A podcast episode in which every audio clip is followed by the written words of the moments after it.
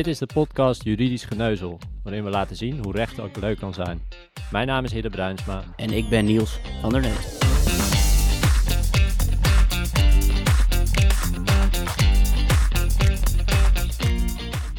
Eerste aflevering van uh, 2021. En uh, we gaan het vandaag niet hebben over ontslag, zoals aangekondigd. Uh, we gaan het toch nog even hebben over corona, het onderwerp wat 2020 heeft beheerst. En um, ontslag komt zeker aan de orde, aflevering 3. Dus uh, wees niet bang dat we het niet meer gaan uh, behandelen. En voordat we beginnen met corona, nog even een huishoudelijke mededeling, want wij zijn nu ook te vinden op het internet. Uh, iedere aflevering staat op de site met een bronvermelding. En bovendien is het mogelijk om alle juridische vragen via de site te stellen. En dan zullen wij die vragen behandelen in deze podcast. En we beginnen vandaag met een raar verhaal. Niels, wat voor raar verhaal over corona heb je vandaag uh, voor ons meegenomen? Ja, een werknemer, hoe kan het ook anders? Die komt uh, niet opdagen op zijn werk. Nou, uh, zijn vriendin die heeft een mail gestuurd en die heeft gezegd dat gaat niet zo goed met mijn vriend. Hij is opgenomen in het ziekenhuis. Het lijkt op een longontsteking, misschien het coronavirus. Nou, vervelend. Werkgever die neemt vervolgens, probeert hij contact op te nemen met de werknemer, die neemt niet op. Uh, vriendin zegt ja, het gaat steeds slechter en uh, hij, is, hij, ligt aan de beademing. En uiteindelijk krijgt de werkgever een week later ongeveer een bericht van de leasemaatschappij dat er uh, met de leaseauto een strafbaar feit is gepleegd. En wat blijkt, de werknemer is helemaal niet ziek, maar die zat in de gevangenis in afwachting en hechtenis van zijn verdenking op witwas, als ik het mij goed herinner. En deze werknemer wordt ontslagen. Dus deze werknemer gebruikte corona als een uh, mooi excuus. Absoluut. Nou ja, volgens mij is het wel iets wat meer mensen doen. Ik doe het zelf ook uh, regelmatig. Vooral als ik, als ik met jou moet afspreken, dan uh, zeg ik, nee, het kan toch niet door corona. Dus het is wel herkenbaar. Maar deze meneer werd ontslagen. Um, maar hoe zit het nou met iemand die in quarantaine moet?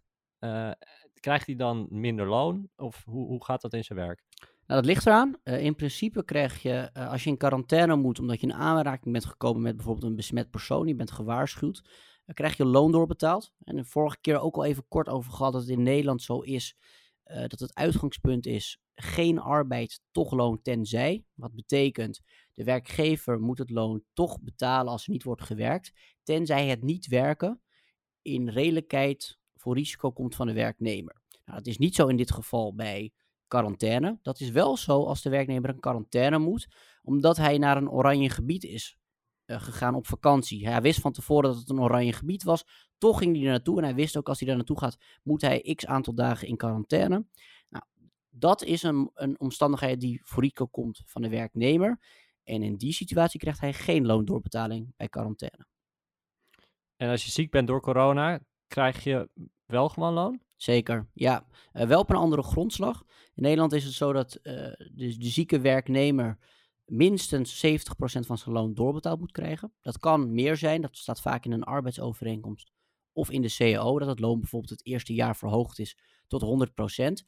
Maar bij ziekte krijgt de werknemer zeker um, zijn loon. Dat kan ook niet worden uitgesloten in de arbeidsovereenkomst, want dat is dwingend recht. En hoe zit dat nou als ik naar een feest met 300 man ga? Want je hoort toch nog steeds verhalen van mensen die ergens in een loods met 3, 4, 500 man aan het feesten zijn. Hoe zit het dan als ik naar zo'n feest ga en vervolgens corona krijg? Ja, dan ben je ziek en dan krijg je in principe ook je loon doorbetaald. In Nederland is het zo dat het enkel onder strikte voorwaarden je eigenlijk het loon niet kan krijgen. En dat gaat erom als jij opzettelijk ziek bent geworden. En het lijkt natuurlijk zo dat je naar een feest gaat met 300 man, je opzettelijk ziek wordt. Maar het opzettelijk ziek worden moet echt zien, jij doet iets om ziek te worden. Nou, hier ga je naar een feest toe om leuk te kunnen feesten. En niet omdat je ziek wil worden. Dus uh, ook in die situatie krijg je uh, je loon doorbetaald. Die 70% in ieder geval. Het kan wel zo zijn dat die extra cap, dus bijvoorbeeld die 30% extra tot 100%, dat daar voorwaarden aan zijn verbonden. Dat bijvoorbeeld staat dat als jij ziek bent vanwege bewust roekeloos gedrag, je dan niet je loon uh, tot 100% krijgt, maar dan krijg je nog steeds die wettelijke 70%. En eh, de scholen zijn uh, momenteel dicht. Er zijn ook veel mensen met kinderen. Die kinderen die, die zijn thuis aan het rondrennen. En ja, het, wordt steeds lastiger om goed werk te verrichten. ik kan me goed voorstellen dat het voorkomt dat mensen minder uren kunnen maken en daardoor ook minder effectief zijn voor hun werkgever. Mag een werkgever dan zeggen, ja, uh, je hebt afgelopen week heb je gewoon je werk niet goed verricht, ik verlaag je loon? Nee, dat kan zeker niet. Um, je, je kunt wel proberen het loon van een werknemer te wijzigen eenzijdig, maar dat kan niet vanwege deze redenen. Um, dus nee, in principe is dat met, met dit argument niet mogelijk. En hoe zit het met als je thuis werkt? Moet de werkgever dan ook voor zorgen dat jij een fijne werkplek hebt thuis? Want heel veel mensen kunnen of mogen niet naar kantoor.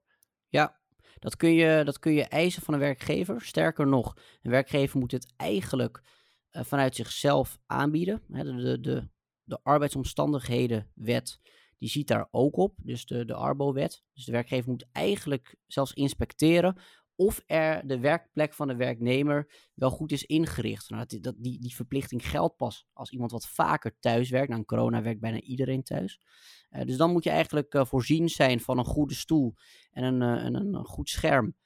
En ja, de werkgever gaan daarom ook wel op pad om te kijken, heeft een werknemer wel een goede werkplek of moet ik daar wat aan doen? En is de UvA bij jou al langsgekomen? Nou, gelukkig niet, maar ze zorgen heel goed voor me hoor. Ik heb een heerlijke bureaustoel en een goed scherm.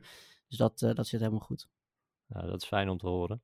En um, ja, straks uh, dan gaan uh, winkels weer open. Dan komt het misschien het normale leven weer een beetje op gang. Maar ik kan me goed voorstellen, heel veel mensen die zitten thuis, die zitten lekker in een pyjamabroek, zitten die te werken. die hoeven de deur niet meer uit, die laten hun boodschapjes thuis bezorgen. Die, die vinden het eigenlijk wel prettig, een beetje zoomen, een beetje skypen. nou, straks dan moeten ze misschien weer naar kantoor. Maar mag een werknemer zeggen: Ik wil thuis blijven werken? Nou, dat mag hij zeggen. Maar of een werkgever vervolgens daarin meegaat, is een tweede. Op dit moment is eigenlijk de wetgeving zo ingericht dat een uh, werknemer niet de arbeidsplaats kan afdwingen, dus de keuze daartoe. hij kan het aanvragen en een werkgever kan het vervolgens weigeren zonder dat hij dit moet motiveren. Nou, er is uh, recent, dit jaar in april, is er een wetsvoorstel ingediend. Dat heet wetsvoorstel werken waar je wil. Uh, en dat is eigenlijk um, ja, die gaat mee met de huidige nieuwe ja, standaard, kun je bijna wel zeggen, maatschappelijke standaard van de crisis. En dat gaat ervoor zorgen dat een werkgever enkel nog, net zoals bij vakantie, wat we vorige aflevering hebben gezien, nee kan zeggen tegen een voorstel van een werknemer om thuis te zeggen te, te werken, als de werkgever daartoe een zwaarwegend bedrijfs- of dienstbelang heeft. Oké.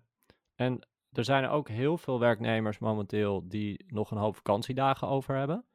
Um, hoe, hoe zit dat met het, het niet kunnen opnemen van die vakantiedagen? Gaan die mee naar volgend jaar? Kunnen ze die volgend jaar alsnog inzetten als, als er wel weer uh, gereisd mag worden? Ja, er is een, een verschil tussen eigenlijk de wettelijke en de bovenwettelijke vakantiedagen. De wettelijke vakantiedagen zijn er 20 op het moment dat je fulltime werkt. En alles daarboven zijn de bovenwettelijke, de contractuele. Dus stel je hebt 25 vakantiedagen en je werkt fulltime, heb je 20 wettelijke, 5 bovenwettelijke.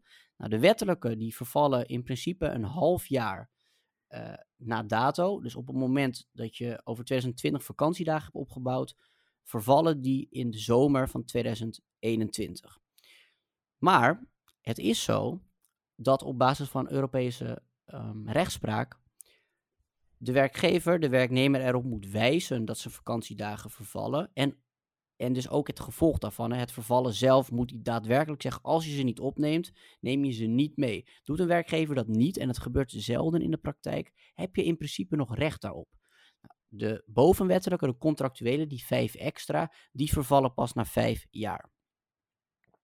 En straks wil iedereen weer op vakantie. Uh, kan, kan een werkgever ervoor zorgen dat niet iedereen op hetzelfde moment op vakantie gaat? Ja, dat kan. Um, eigenlijk heeft hij daarvoor twee dingen te doen. Eén, uh, ja, zeg gewoon tegen je werknemers, wijs in ieder geval op die wettelijke vakantiedagen dat ze vervallen. Uh, dus dan hebben ze al minder vakantiedagen. Maar ze houden natuurlijk nog wel de vakantiedagen van 2021. En daarvoor zou ik als een werkgever als nu al zeggen, ja, in principe mag ik niet weigeren. Een werkgever moet in principe instemmen, tenzij die een zwaarwegend bedrijfsbelang heeft. Nou, je kunt je voorstellen dat als iedereen op hetzelfde moment vakantie opneemt en er niemand meer is, dat de onderneming niet meer uh, ja, doorloopt. Uh, dus dan heeft hij een reden om te zeggen, jongens, we kunnen niet met z'n allen tegelijk op vakantie. Ehm, en dan moet hij misschien wel denken, ja, ga ik een beleid voeren wie het eerst komt, wie het eerst maalt, of ga ik het op een andere manier indelen? In ieder geval is het verstandig voor een werkgever om daar alvast op te, in te spelen en misschien daar iets voor te verzinnen. En dan de andere kant van de medaille, want er zijn ook een hoop mensen geweest die vakantiedagen hebben opgenomen voor vakanties. En die konden vervolgens niet doorgaan omdat er corona was in Italië of Spanje, de vakantiebestemming. Uh, hoe zit het dan met die vakantiedagen? Zijn die dan gewoon nu weg of gaan die weer terug op in het potje of op de grote hoop? Als je uh, niks doet als werknemer, dan uh, ben je ze kwijt. Want je hoeft natuurlijk niet op vakantie te gaan ehm, naar het buitenland als je verlof opneemt. Een werkgever weet misschien niet eens wat je, wat je plannen was als je verlof vraagt. Je kan natuurlijk ook heerlijk in Nederland even genieten of thuis in je huis klussen waar je verlof opneemt. Dus in principe ben je ze kwijt. Tenzij je aangeeft bij een werkgever, ik wil gewoon werken die dagen en ik lever mijn vakantiedagen weer in. Misschien ook nog goed om te zeggen, de, de vraag die ook wel wordt gesteld, kunnen eigenlijk vakantiedagen worden afgekocht? Dat antwoord is nee. Uh, de, de wettelijke, die 20 dagen niet. De bovenwettelijke kan de werkgever wel afkopen. Um, maar ja, vakantie is nou eenmaal verlof voor het herstel van de werknemer. En ook in deze tijden misschien wel uh, harder dan ooit nodig. De vakantie komt uh, wel weer dichterbij, want het vaccineren is begonnen. En daarover hebben we twee specialisten gebeld. En die ken je allebei heel goed, hè, Niels? Zeker, ja. Het zijn mijn twee promotoren. De twee mensen die mij uh, begeleiden bij mijn proefschrift. En uh, Harriet Schelhaas is hoogleraar privaatrecht aan de Erasmus Universiteit Rotterdam. En Jaap van Sloten is hoogleraar arbeidsrecht aan de Universiteit van Amsterdam en advocaat bij Stippen. Aan Harriet Schelhaas hebben wij de vraag gesteld: kunnen privileges worden uitgedeeld aan mensen die gevaccineerd zijn? Ja, leuke vraag. Uh, of privileges kunnen worden uitgedeeld aan mensen die gevaccineerd zijn, zoals naar een festival gaan. Dat is eigenlijk dezelfde vraag als: um, ja, kan je beperkingen stellen aan mensen die zich niet laten vaccineren?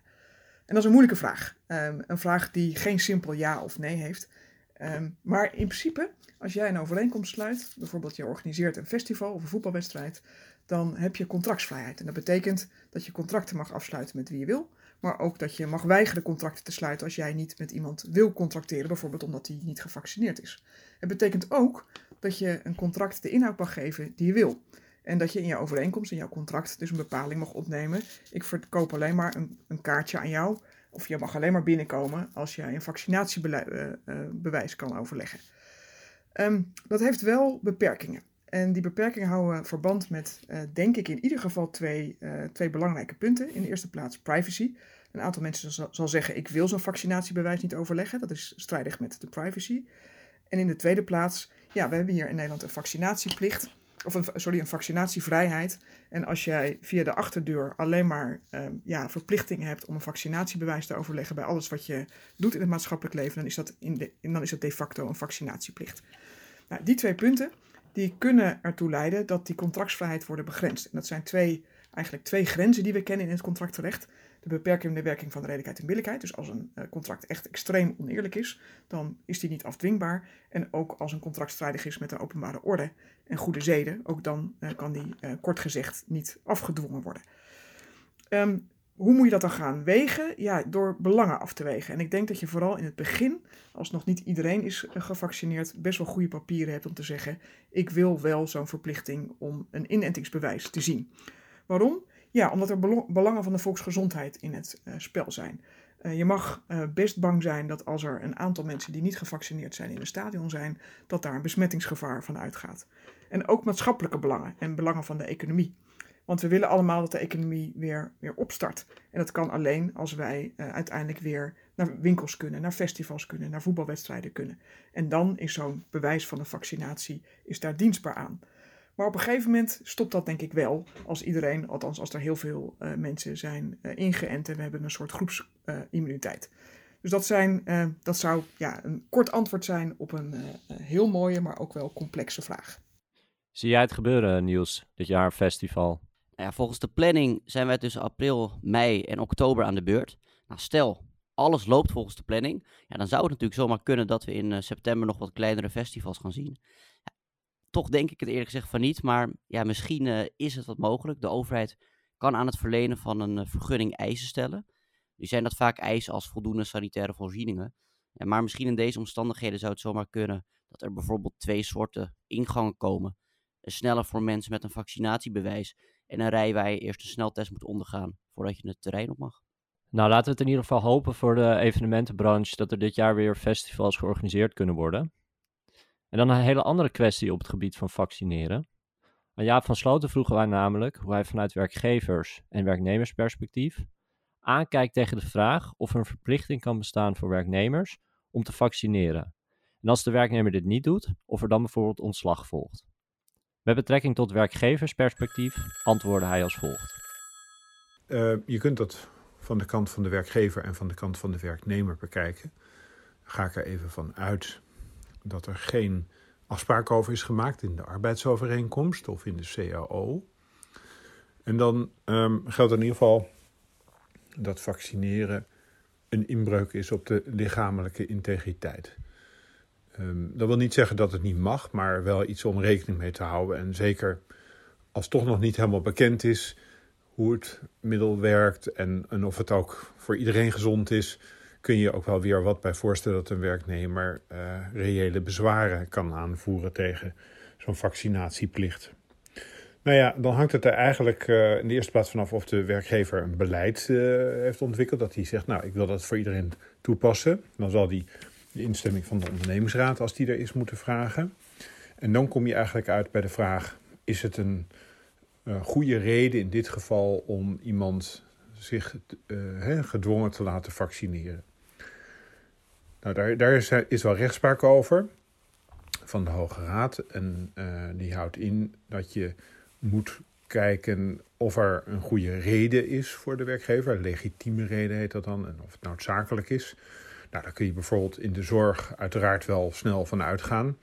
Maar dat ligt bijvoorbeeld in de horeca. Als een restaurant zegt, ja, wij willen voortaan dat iedereen, kunnen zeggen dat iedereen gevaccineerd is bij ons. Dat, dat ligt alweer wat ingewikkelder, maar dat is ook niet helemaal uitgesloten. Vervolgvraag is dan, um, zijn er misschien ook andere middelen mogelijk om hetzelfde doel te bereiken? Nou, dat zal in de zorg ook lastiger liggen. Als je het echt hebt over artsen die in de operatiekamer werken, dan heb je nu ook al wel rondom hepatitis B verplichtingen om je daartegen in te enten. Um, ja, nou, dat kan, dat kan dus eh, ook weer afhankelijk van de werkgever anders liggen.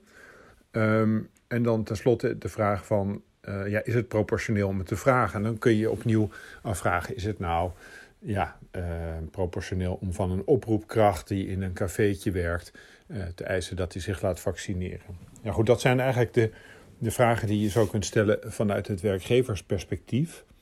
En dan moet je ook nog realiseren dat de AVG een rol speelt. Want op grond daarvan mag je niet registreren wie zich heeft gevaccineerd. Maar dat sluit waarschijnlijk niet uit dat je wel gewoon het iedere keer aan de werknemer mag vragen of hij het gedaan heeft of niet. Niels, wat denk jij eigenlijk? Zal een deel van het zorgpersoneel ontslagen worden vanwege het weigeren van de vaccinatie? Nou, dat denk ik niet eerlijk gezegd. tussen het weigeren van vaccineren en ontslag zitten nog veel stappen. Ervan uitgaande dat er mensen zijn in de zorg die, uh, die weigeren. Maar zoals Jaap van Sloot ook aangaf, moet er eerst worden bekeken of op een andere manier een behoorlijk niveau van bescherming tegen besmetting van corona kan worden bereikt. Nou, als dit niet mogelijk blijkt, is de volgende vraag of er binnen de organisatie ander passend werk is voor deze weigerende werknemer, waar vaccineren niet noodzakelijk is voor de veiligheid. Nou, pas als deze vraag met nee wordt beantwoord, komt ontslag eigenlijk in zicht. Nou, in Nederland is het namelijk zo dat een werkgever zonder dat de werknemer meewerkt aan een ontslag, hij enkel een werknemer kan ontslaan als hij ten eerste hiervoor een goede reden heeft. dus de werkgever moet dan aantonen dat het werk van de werknemer enkel veilig kan worden gedaan als de werknemer is gevaccineerd. En ten tweede moet hij voldoen aan de herplaatsingsplicht. oftewel, is er vervangend ander werk voor hem? Nou, is dat niet zo? Ja, dus er is geen ander passend werk en hij heeft die goede reden dan kan hij de werknemer pas ontslaan. In de zorg is het natuurlijk zo dat er een enorm tekort is aan personeel. En dus ligt het voor de hand, denk ik, dat er vervangend werk is. Wat natuurlijk wel kan, is dat de werknemer het aangeboden werk niet leuk vindt, dit weigert en ander werk gaat zoeken. Maar dat noemen we geen ontslag. Ontslag vanuit de werknemer zelf, zeg maar. Die neemt dan ontslag. Maar hij wordt niet ontslagen. duidelijk, uh, duidelijk antwoord, dankjewel. En over het werknemersperspectief zei Jaap van Sloten het volgende. Nou, en dan krijg je de vraag: mag de werknemer dat weigeren? Dan heb je in de eerste plaats um, mensen die dat op grond van hun geloof of gezondheid uh, niet doen. En uh, daarvoor geldt dan in beginsel dat die daar nou ja, wel een beroep op kunnen doen. En dan, dan zal de werkgever toch nog wel weer wat extra redenen moeten hebben om dat toch te eisen. Zeker bij lichamelijke beperkingen is dat natuurlijk heel lastig. Um, dat wil niet zeggen dat een werknemer dan een ongevaccineerde werknemer altijd moet toelaten op de werkvloer. Maar dan kom je aan de orde van mag je dan ook een sanctie opleggen als hij zich niet heeft laten vaccineren. Um, hè, en dat is dan eigenlijk het laatste deel. Kijk, werknemers die geen gewetensbezwaren hebben in de sfeer van geloof of lichamelijk bezwaar, maar het gewoon niet doen omdat ze er geen zin in hebben, omdat ze een of andere domme antivaxer zijn, hè, zal ik maar even huiselijk zeggen. Ja, daarvoor zou je denk ik toch ook nog moeten zoeken naar alternatieven uh, op de werkvloer. En um, dus kunnen ze ergens anders uh, werken waar ze, ondanks het feit dat ze niet gevaccineerd zijn, dan um, nou ja, minder of geen schade kunnen aanrichten. En dan is het natuurlijk ook niet onbelangrijk heeft de werknemer überhaupt toegang tot vaccinatie? Met andere woorden, eh, weer die horecawerknemer van 23. Ja, wanneer is die aan de beurt en kan die eerder worden ingeënt? Dat zijn allemaal relevante vragen, dus je hoort wel, er is eigenlijk niet één duidelijk antwoord op deze vraag. Wat ik wel leuk vind, Niels, is dat Jaap in zijn antwoord ook iets zegt over uh, privacy. Ik heb altijd wel een uh, interesse in privacy. En vind jij dat een werkgever wiens kantoor nog steeds open is, uh, werknemers kan verplichten hun temperatuur bij de ingang op te laten meten? Ja, de privacy kwesties op de werkvloer zijn spannender dan ooit, denk ik. Uh, werkgevers moeten er natuurlijk wel voor zorgen dat werknemers in een veilige omgeving kunnen werken. Nou, het opmeten van een temperatuur is een bijzonder persoonsgegeven. Het gaat natuurlijk over de gezondheid van, uh, van een persoon. Nou, de autoriteit persoonsgegevens zei eerst eigenlijk het mag niet. Maar uiteindelijk bleek dat werkgevers de temperatuur uh, opmeten en dit vervolgens niet vastleggen. En dus is er geen sprake van gegevensverwerking in de zin van de AVG. Nou, de autoriteit persoonsgegevens zei daarom dat het is toegestaan de temperatuur op te meten en af te lezen, maar dat de werkgever dit vervolgens niet mag opnemen in een bestand. Nou, wat ook niet mag, is dat het opnemen van een temperatuur automatisch gebeurt door bijvoorbeeld een warmtecamera. En ook mag geen gebruik worden gemaakt van poortjes die open of dicht gaan, afhankelijk van de temperatuur. Dus ja, enkel het opmeten van temperatuur mag.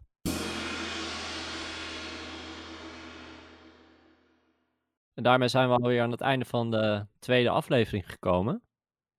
Maar Niels, heb jij nog een tip voor de luisteraar over het onderwerp wat uh, wij vandaag hebben besproken? Ja, het is heel kort aan bod gekomen, maar uh, mijn tip is: ga niet zomaar akkoord met een aanbod tot loonsverlaging. Want als je dit wel doet, is sprake van een akkoord. Nou, dit noemen we een tweezijdige wijziging. In Nederland kan een werkgever ook eenzijdig de arbeidsvoorwaarden wijzigen. Maar sinds het Fair Play Centers arrest van 2019 weten we dat een loonoffer enkel onder bijzondere omstandigheden mogelijk is. Nou, nu kan corona zo'n omstandigheid zijn. Maar in de rechtspraak van de laatste tijd komt het beeld naar voren dat het aanbod van de werkgever tijdelijk moet zijn. En dat de werkgever goed moet aantonen waarom het resultaat niet op een andere manier kan worden bereikt dan met een loonoffermaatregel. Let er dus heel goed op dat het aanbod van de werkgever tijdelijk is en dat je eventueel in de toekomst wordt gecompenseerd voordat je akkoord gaat met een loonoffer. En daarmee zijn we aan het einde gekomen van deze aflevering. Vergeet ons niet je juridische vragen te mailen. Stay safe en tot bij de volgende aflevering.